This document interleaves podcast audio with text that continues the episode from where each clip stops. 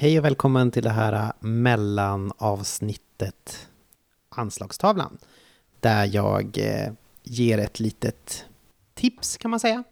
Eh, det är så att Rebecka Fredriksson har släppt uppföljaren till sin bok Landsförvisade och den heter Benådade som skildrar F.O. Nilsson och Sofias fortsatta liv i eh, Amerika.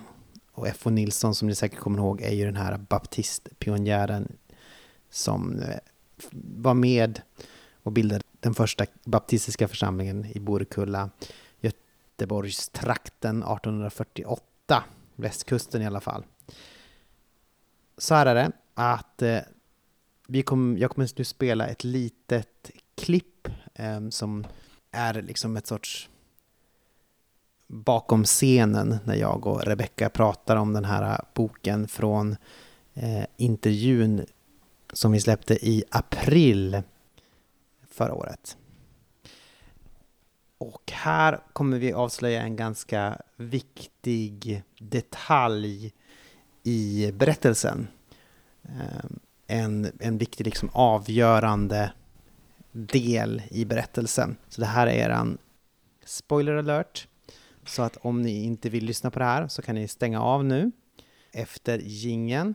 Och om ni tror att få reda på den här, den här ganska viktiga delen i berättelsen om F.O. Nilsson och Sofia i den här boken Benådade, då får ni lyssna kvar. Om det här liksom triggar er vilja att läsa, att få reda på den här delen av berättelsen. Så, spoiler alert, och nu har ni möjlighet att lyssna. Hej!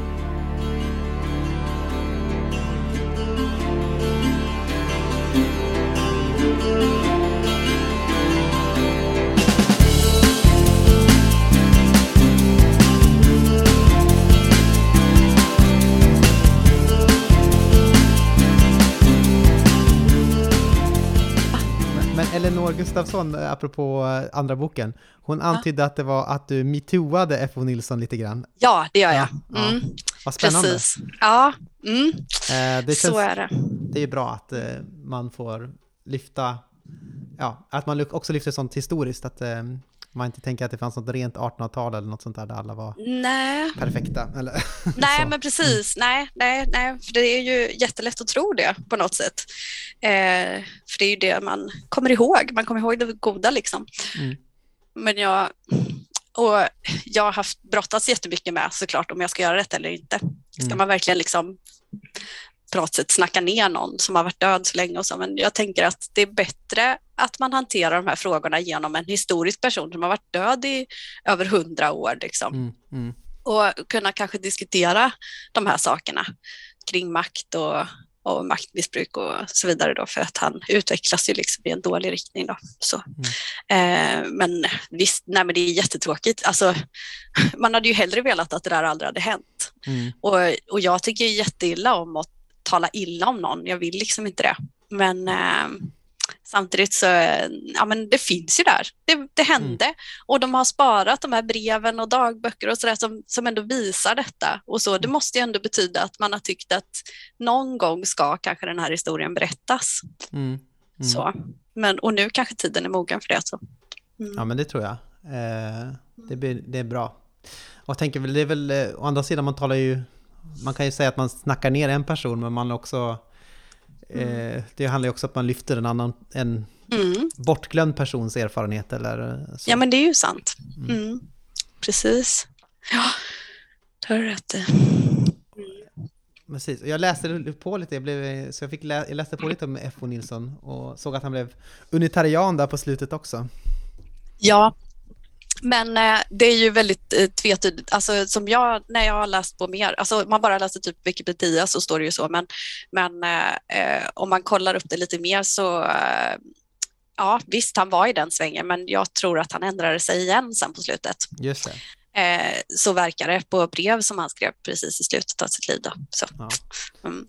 Det, är ju, det, det är väl kanske svagheten att det är ju ganska vanligt i ställen som blir så här bibel, bibel alena, att vi att man gärna blir skeptisk mot treenighetsläran. Man kommer, men problemet är att det inte finns något bättre alternativ än treenighetsläran. ja, just det. Mm. Ja. Men det finns, det finns Ja. Helge Åkesson skulle du kunna skriva en bok om också. Skulle...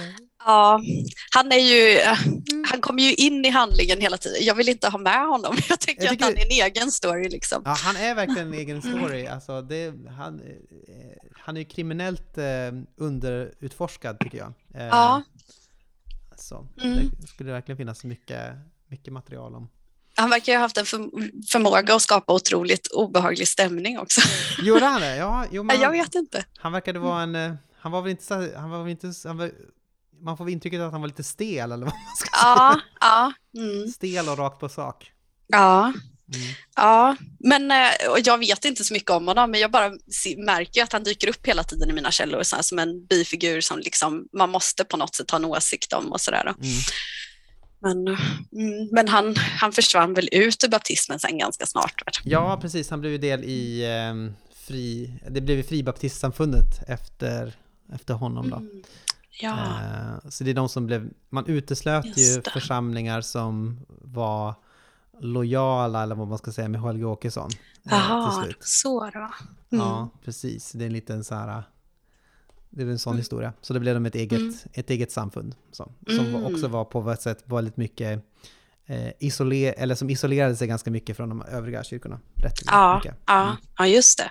Mm. Mm. Och sen gick ihop med HF Precis. långt 90-talet. senare. Då. Ja, just det.